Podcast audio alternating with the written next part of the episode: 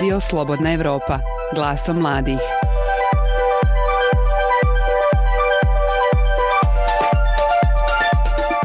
Prvo iskustvo sa tom hijerarhijom gdje ti nešto obavljaš i kasnije dobiješ pare za to.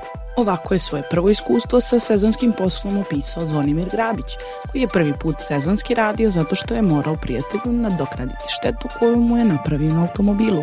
A nešto loše iskustvo imao je Mladen, koji je prvi put iz Podgorice otišao za Čanj kako bi radio kao konobar, a na kraju je završio u Vešeraju cijela ta zgrada u kojoj su bili smješteni radnici je bila već odavno spremna za rušenje i onda su nas nekako ugurali jedno na drugo u smještaj i očekivali da radimo pa manje više dan noć. U novom izdanju podcasta Glaso mladih pričamo o sezonskim poslovima – kada i zašto mladi odluče da traže posao za preko sezone, sa kakvim uslovima se susreću i koliko im znači ovakvo radno iskustvo. Moje ime je Bojana Moškov, a u nastavku tražim odgovore. Slušate podcast Glaso mladih. Zvonimir Krabić ima 32 godine. Danas je grafički dizajner i tatu majstor, ali prije nego što je odabrao svoje ključne profesije, tokom sezona imao iskustva sa raznim vrstama poslova, što je, kako on kaže, sjajno iskustvo za svako ljudsko biće. Vjerujem da je, da je većini ljudi, kao meni što je bilo, sezonski posao prvi vid zaposlenja. Prvo iskustvo sa tom hijerarhijom gdje ti nešto obavljaš i kasnije dobiješ pare za to. Ja sam imao tu sreću da sam kod strica bio mornar jedan mjesec dana to mi je bila prva rabota. Tih mjesec dana sam zapravo naučio igra briškulu i prista brodom primit platu, a i potrošiti je. I smatram da je to možda i najbolji način da se uđe u neku vrstu adulthoda, to je tog neko sazrijevanja. Na tim sezonskim poslovima upoznao dosta krajišnika, ličana, naših sjevernjaka, bosanskih sjevernjaka, ovo ono, stekao sam neki okvir kakvim smatram da bi mlad čovjek trebao da bude. A to je vrijedan, sebe radi, ne radi, radi drugih, radi očekivanja. Iako sam ja svoj prvi posao, taj prvi sezonski posao morao da, da uzmem ne samo zbog očekivanja, nego i zbog štete koju sam napravio drugu na šofer šajmni čizmom. Sam u cokulama mu skočio na auto i slučajno prošao kroz šofer šajmnu. A što ćeš kad imaš 18 godina, imaš više hormona nego mozga u glavu. I eto, bio sam prinuđen da nađem posao i zapravo sam zahvalan na tome jer me je naučilo da, da vrijednujem svoje vrijeme i da vrijednujem posjedovanje određenih vještina. Pored toga nije, nije na odmet znati veliki broj vještina. A jedna od njih, ukoliko hoćete da, da vam bude karijera, kao što sam se ja odlučio da mi, da mi ilustracija i crtež da mi budu moj kruh, tako može i svako ali ne treba goniti samo tu jednu stvar jer na kraju nećete naučiti ni ono što, što želite da naučite. Kada bismo uzeli da prokomentarišemo neke uslove kojima sezonski radnici rade u Crnoj Gori, kakva su tvoja iskustva? Da li su, na primjer, uslovi koji su ti obećani na početku radnog odnosa bili ispunjeni ili je tu dolazilo do nekih promjena i nepoštovanja tvojih možda radnih prava? Moj prvi sezonski posao je bio idealan. Kao što sam rekao, kod strica sam bio nije mi nije očev rođeni brat, ali prvi rođak je i samim tim familija smo i to je sve bilo podrazumijevano da će biti ispoštovan svaki dogovor i sa moje i sa njegove strane. Dok naravno postoje i oni koji nisu baš toliko revnosni u isplati svojih radnika, ne samo u isplati nego i u prijavljivanju ili u nekim uslovima koje su obećali poput smještaja. I tako da upoznao sam veliki broj ljudi koji dolazi kod nas preko ljeta, na primjer, da bi radio. Došli smo u priču o tome zato što nisu bili zadovoljni uslovima koji su im obećani, a onda ponuđeni potpuno drugačiji oprečni od smještaja koji je bio ispod, ne ispod prosjeka, nego ispod norme u kojima jedan čovjek treba da živi, nemogućnosti vođenja lične higijene, što po mom mišljenju se ne mjeri ni sa zatvorom, kamoli sa smještajem koji bi trebao neko da uživa.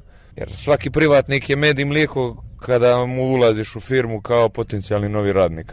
On želi nekoga ko će da mu iznese posao. Znamo svi mnogo primjera gdje su ljudi dobijali otkaz umjesto da budu ispraćeni 30. dana, oni bi dobili otkaz 27. 8. ili 29. Čisto da ne bi mogli tražiti svoju platu. I na kraju nisu imali pravo nikakvu potražnju zato što nije postao papir da su oni gdje radili. Možeš li procijeniti da li je više naših državljana koji sezonski rade u Crnoj Gori ili su ipak u pitanju državljani iz zemalja regiona? Iz Bosne, iz Albanije iz Srbije najčešće dolaze ljudi kod nas da rade koliko sam obaviješten. Najčešće od samih ljudi koji su ovdje radili. Za naše radnike e, sam siguran da rade po Austriji, po Njemačkoj, po centralnoj i zapadnoj Europi gdje su uslovi za rad daleko bolje uređeni. Da li e, znaš za neke možda slučajeve u tvom okruženju ili možda čak i, i da se tebi dogodilo da neko ko te sezonski zaposli da nakon toga te zadrži na neodređen ili možda čak e, na ugovor na, na još par mjeseci ili nešto slično? Davno mi je dat odličan savjet koji bi mogao se nazove i trikom, a to je da učinite sebe nezamjenjive. Nije tu stvar da vi budete manipulator. Stvar je u tome da budete dobar radnik. Jeste muka ujutro ustati. Jeste muka je ujutro kad ti ono oblješti sunce ili pada kiša na putu do posla. Ali nije tolika muka kada vi svojim radom, a ovo priča neko koji je sezonski radio bio jednom i u magazinu Rode, gdje sam kičmu ostavio bio za 180 eura za 30 dana, pa mi opet nije bilo uopšte teško da ljudima nekako učinim to u trgovinu nekim manje baukom. Tu bih jedino izdvojio jednu srceparajuću situaciju gdje sam morao da utješim stariju gospođu jer nije imala dovoljno para da kupi svojim unucima neke čokolade koje je vidjela da su bile na popustu, međutim tada više nisu bile. A ja nisam imao para da je uleti makar tih 2-3 eura. To je onako baš poražavajuće. Ali s druge strane mi je bilo zaista i, i nekako vjetar u leđa da budem još bolji.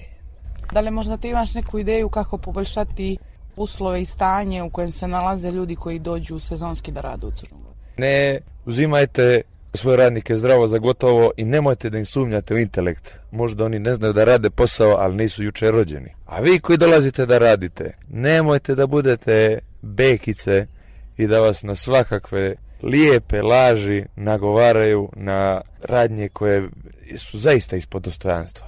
Nikome niste dužni da radite besplatno. Nismo nikad bili robovlasnici, a da ulazimo u 21. vijek tako što ćemo da uzgojimo neki hibrid robovlasništva ne ide zaista.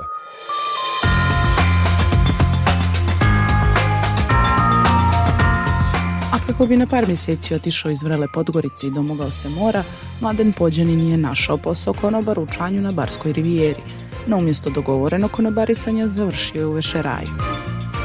Imao sam iskustvo od koje je trajalo otprilike pet mjeseci u Čanju. Na sezonski posao trebao da radim kao konobar, međutim zbog e, nekih stvari koji su se desile u firmi u međuvremenu završio sam da radim umjesto kao konobar ili šanker kao u Vešeraju. Kakvi su bili uslovi? Da li ti je poslodavac obezbijedio smještaj ili nešto slično ili si za to bio sam zadužen?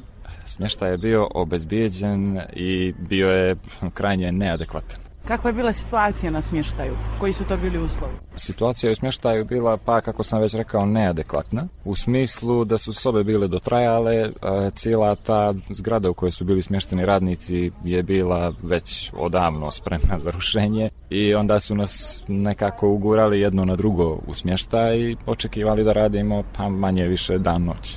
Koliko si ti imao godina u trenutku kada si radio u Čanju? U tom trenutku sam imao 23 godine. Kolika je bila plata? Na tom poslu smo radili za 220, 230 eura, znači neki minimalac koji je bio tad. Da li je bilo možda nekih bonusa, bakšiša ili Ne, daleko od toga, ne, ne, ne, naravno da nije.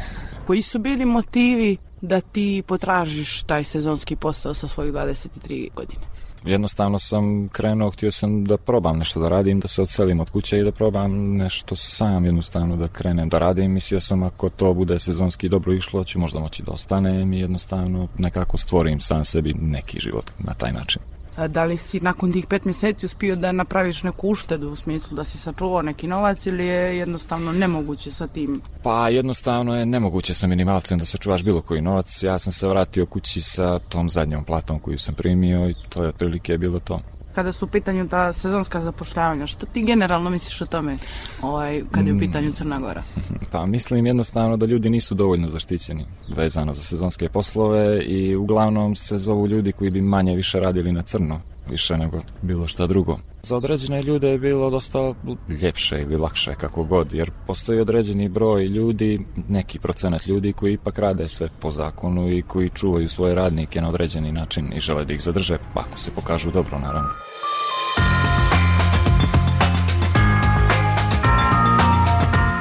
Motiv Milice Lipovac za traženje sezonskog posla bila je želja da tada sa 16 godina bude bliža vršnjacima koji su već radili. Imala je priliku i za napredovanje, ali je izabrala drugu karijeru i danas je mlada novinarka.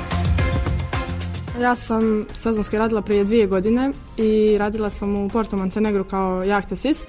Na carini radili smo papire brodovima koji su ulazili u našu luku, samim tim u našu državu, jeli? Radili smo dakle papire koji su bili vezani za dobijanje e, dozvole za ostanak i radila sam dvije sezone uzastupno prije nego što je počeo covid. Što se tiče uslova na poslu, svi su bili ispunjeni zaista i možda i više nego što sam očekivala. Dakle, uslovi vezani za recimo odmore koji smo imali su bili ispoštovani ili su bili dati slobodni dani ili su ti slobodni dani bili isplaćeni. Svakome, zapravo koga ja poznajem, e, je bio taj slučaj. Što se tiče plata također redovno su dolazile, isplaćene su bile kako, su, kako je rečeno da će biti. Pauze koje smo imali u radnom vremenu su i više nego bile poštovane. E, po dogovoru, ako nam je trebalo malo više, uvijek smo dobijali e, i slično. Radno vrijeme je bilo 12 sati, dva dana radimo, dva dana smo slobodni. To je također poštovano. Ukoliko nam je bilo potrebno da jedan dan zamijenimo, to smo sve u dogovoru sa kolegama i mogu reći da stvarno nikad nije bilo e, problema u vezi toga.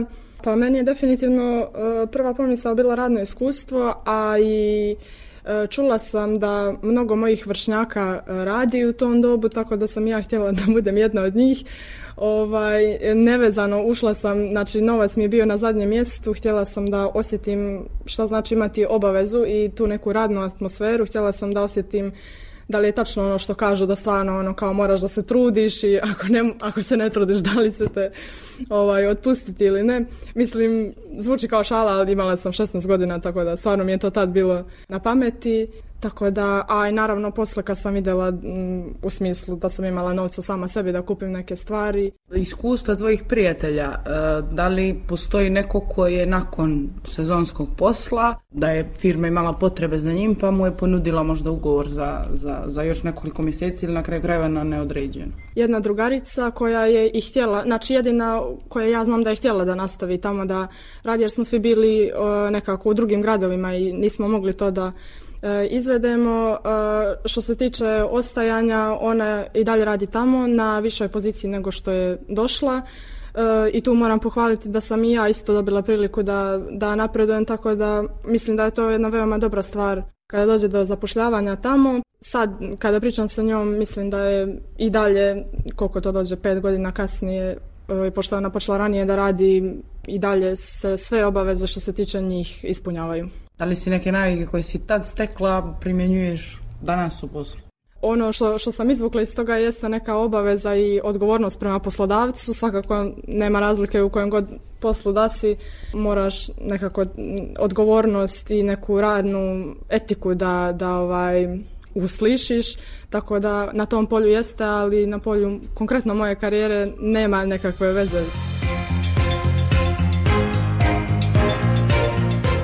Damir Mišetić i ovog ljeta radi sezonski posao. Uz iskustvo sa aerodroma u Tivtu na kojem je radio svake sezone od svoje 18. godine, ovog ljeta sa 27 radi kao jachting agent u prestižnom Porto Montenegru. Pa ja sam od svoje 18. godine radio uglavnom sezonski svake godine zapravo, sem jedne. Jedna se samo godinu dana stalno radio i preko zime, a sezonski sam uglavnom radio na aerodromu kao transportni radnik i kao sad sam kao jaht agent tu u Porto Montenegro.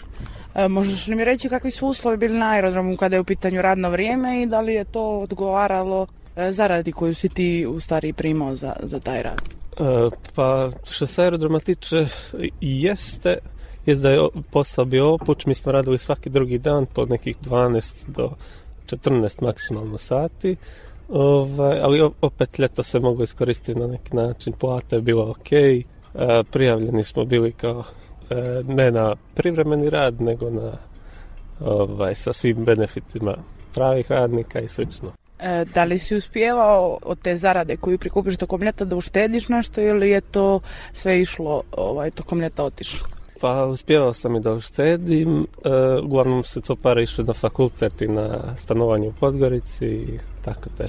Znači, sezonski posao je u stvari bio način da izdržavaš svoj studentski život, možemo Da. to tako da... Da, Da, upravo tako da.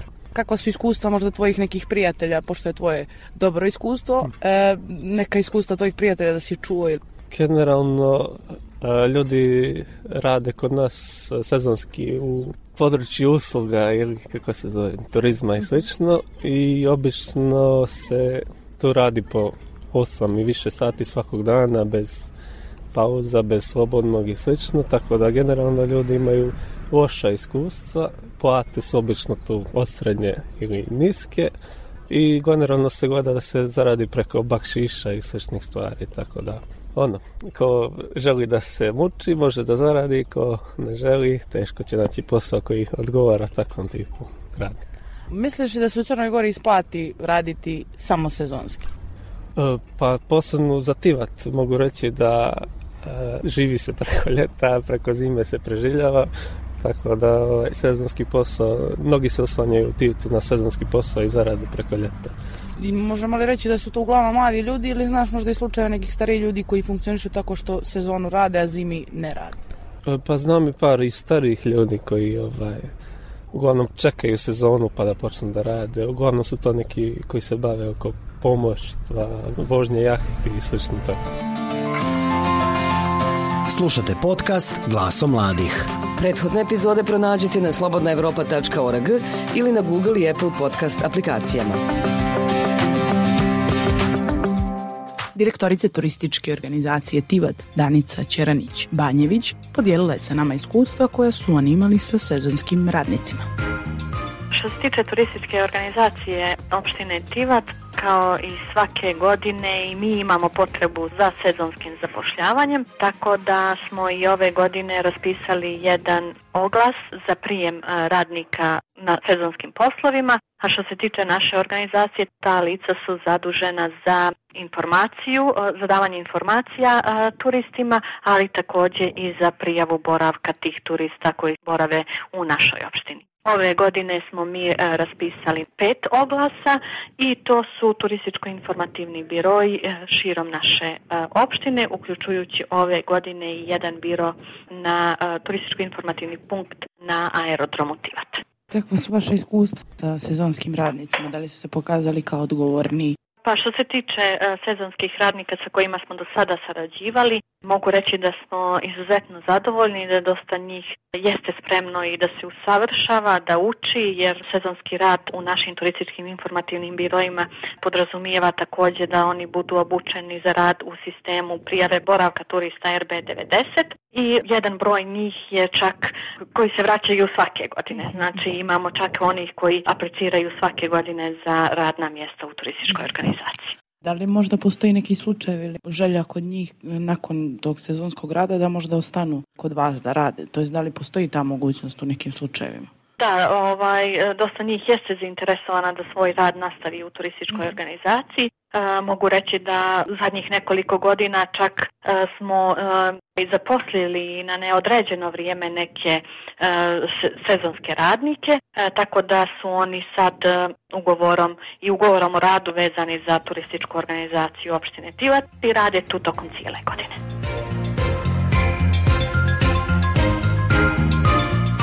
Kako je mišljenje privatnika kada su u pitanju sezonci, razgovarali smo sa Slavkom Nikolićem iz audio video produkcijske kuće Solutions for You. Što se tiče sezonskih radnika kao radnika koji mogu da ih nazovem radnika koji služe kao za ispomoć firmi koji imaju puno posla tokom sezone, a ne mogu i nemaju dovoljno kapaciteta vezano za, za zapošljavanje tokom čitave godine, imam iskustva i dobra i loša. Uglavnom, uglavnom su loša, nažalost to moram da kažem, zato što naše mlade, mlade snage nisu privržene radu kojem, kojem rade i ovaj E, nažalost je takva situacija da, da, da, da ti jednostavno moraš ljude da, da tjeraš da rade, da, da bi oni, da bi zaradili, mislim, ti, ti u suštini njih nekako plaćaš, da li ih plaćaš honorano ili da li ih plaćaš na neki način, ne znam, ili dnevnice ili ne znam na koji način, ali uglavnom oni zarađuju to zbog čega su oni pozvani, a to je da pomognu prilikom, u konkretno u našem slučaju prilikom foto i video produkcije, gdje se tu, na primjer, nekad nosi oprema, gdje se, na primjer, nekad a, snima nešto, gdje se, ne znam, čak i nauči nešto i da može baš dobro da se nauči ko to želi da uradi, tako da e, ima i dobrih iskustava gdje su ljudi baš ono, jer ima dosta ljudi koji su završili filmsku industriju i fakultet za, za film, gdje ljude stvarno to zanima i onda ti ljudi su jednostavno grizu, žele da nauče što više, žele da e, žele da doprinesu, žele da se dokažu prije svega, jer mislim nikad se stvarno ne zna, jer možeš ti istu tu osobu koja je došla tu iz totalno neke desete priče da ta osoba ostane tu, jer ti vidiš da je to osoba koja želi da radi i ta osoba će možda imati priliku da ostane da radi u, u, u, u našoj firmi, jel? A jeste li imali do sad e, iskustva s ljudima koji su se pokazali dobro pa ste ih ostavili i nakon sezone da rade kod vas? Pa za sada ne, i zato što smo mi relativno mala firma koja, koja broji tek sedmoro ili osmoro uh, ljudi koji su zaposleni u, da kažem, neki su zaposleni na osnovu ugovora o djelu, neki su tu stalno, neki su kao saradnici, neki tako da uglavnom ima dosta koji su privremeno, dosta koji su tu malo više nego, nego sezonski, ali za sada još nisam imao priliku nikog da ostavim, što naravno nije, nije isključeno da će se desiti, jer, jer ovaj, nadamo se boljim vremenima, nadamo se korona, da će korona da, da malo posustane, zato što nas je prošle godine definitivno sve, sve firme su bile poduljane, tako da i za sezonski radnici su bili u jako teškoj situaciji, zato što definitivno nije bilo prošle godine posla. I gdje smo mogli da primijetimo da su i, i radnici koji su bili stalno zaposleni gubili posao, nisu imali dovoljno posla, nisu imali dovoljno stvari koje mogu da ispunjavaju za poslodavce. Da li ste ove godine zaposlili nekoga za tokom sezone? Nisam još, ali planiram. Razmišljamo, razmišljamo tako o nekim ljudima koji, koji su mladi, sposobni, koji žele da rade, koji žele da nauče. Planiram, planiram, eto mogu da A jesi li ti, ako si sada poslodavac, da li si ti u životu radio neke sezonske poslove?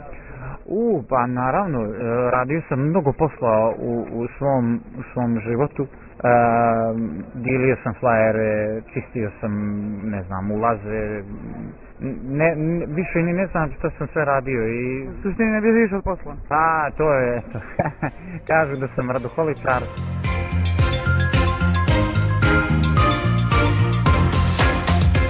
Šta kažu analizu o angažovanju sezonaca, slušamo Sanju Marković iz Privredne komore Crne Gore. Analizu je radio tim Kancelarije Naled zajedno sa vladom Crne Gore i Privrednom komorom.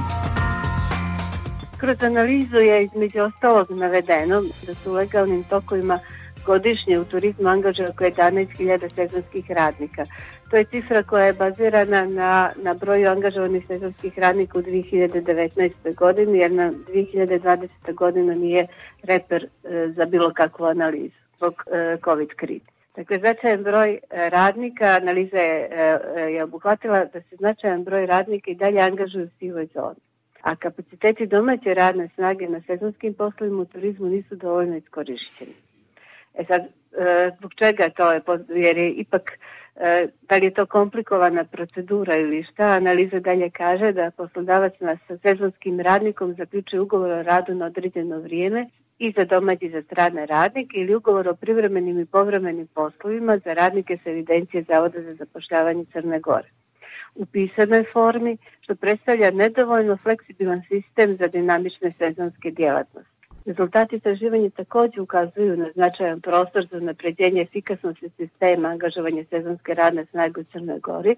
Ovo se može postići napređenjem zakonodavnog okvira i automatizacijom poslovnih procesa kroz primjenu savremenih softverskih rješenja i uz kvalitetniju integraciju sistema. Tu se prije svega mislimo na napređenje informacijonog sistema u cilju korištenja prednosti elektronskog poslovanja, implementacije sistema elektronske uprave i razvoj elektronskog web portala koji će omogućiti objedinjenu elektronsku prijavu sezonskih radnika po principu prijave na jednom mjestu i uzemnom povezivanju institucije koje su uključene u proces. Predloženi model kroz analizu on se zasniva na primjeni najboljih praksi zemalja regiona i šire i prilagođavanju zakonskog okvira na način da obezbijedi veću fleksibilnost sistema kroz unapređenje zakona o radu i donošenje zakona o studentskim zadrugama jer nam je prioritet bilo i zapošljavanje mladih.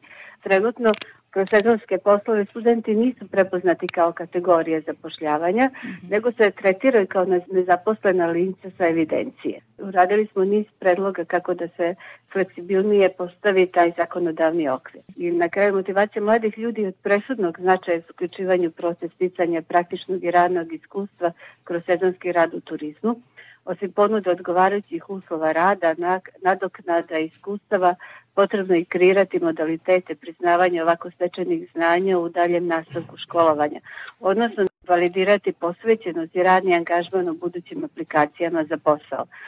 E, to je nešto što prije svega moramo da postavimo kao sistem da bi malo prilagodili našim studentima da bi im omogućili bolji pristup sezonskom radu koji bi im omogućio kako sticanje znanja i iskustva, tako i bi i njihov džeparac napunio. Jeste li možda tokom te analize imali neke podatke o uslovima koji su uslovima. E, pa postoji, e, da, da, postoji pravilnik. To je pravilnik o, bukvalno o tome o mogućnostima, o boravku i uslovima za boravak i rad sezonskih zaposlenih radnika.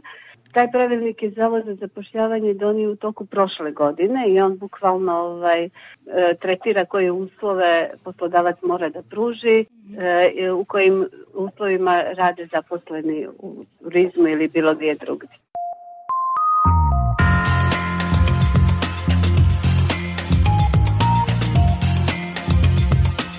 U ovih 30 minuta čuli smo različite iskustva sa sezonskim poslovima koji se obavljaju uglavnom ljeti u trajanju ne dužem od 8 mjeseci. Efektivna sezona u Crnoj Gori traje od juna do septembra, međutim u nekim gradovima i duže. Iskustvo je iz vremena prije korone. Dijapazon poslova je širok, od recepcije, kuhinskih zanimanja, plažnih poslova, konobarisanja, animacija za djecu vrtlara. Prema zvaničnim podacima iz sezone prije korone, najveći broj sezonskih radnika radio u hotelima i restoranima. Iako na evidenciji Zavoda za zapošljavanje pred sezonu bude oko 2.6 hiljada domaćih radnika iz oblasti turizma, to nije dovoljno, pa se u špicu sezone angažuju i radnici iz regiona. Crna Gora je tokom 2019. godine angažovala preko 11.000 sezonaca. Prihvatanje sezonskog posla osim zarade i boravka na moru može otvoriti vrata nekom trajnijem angažmanu.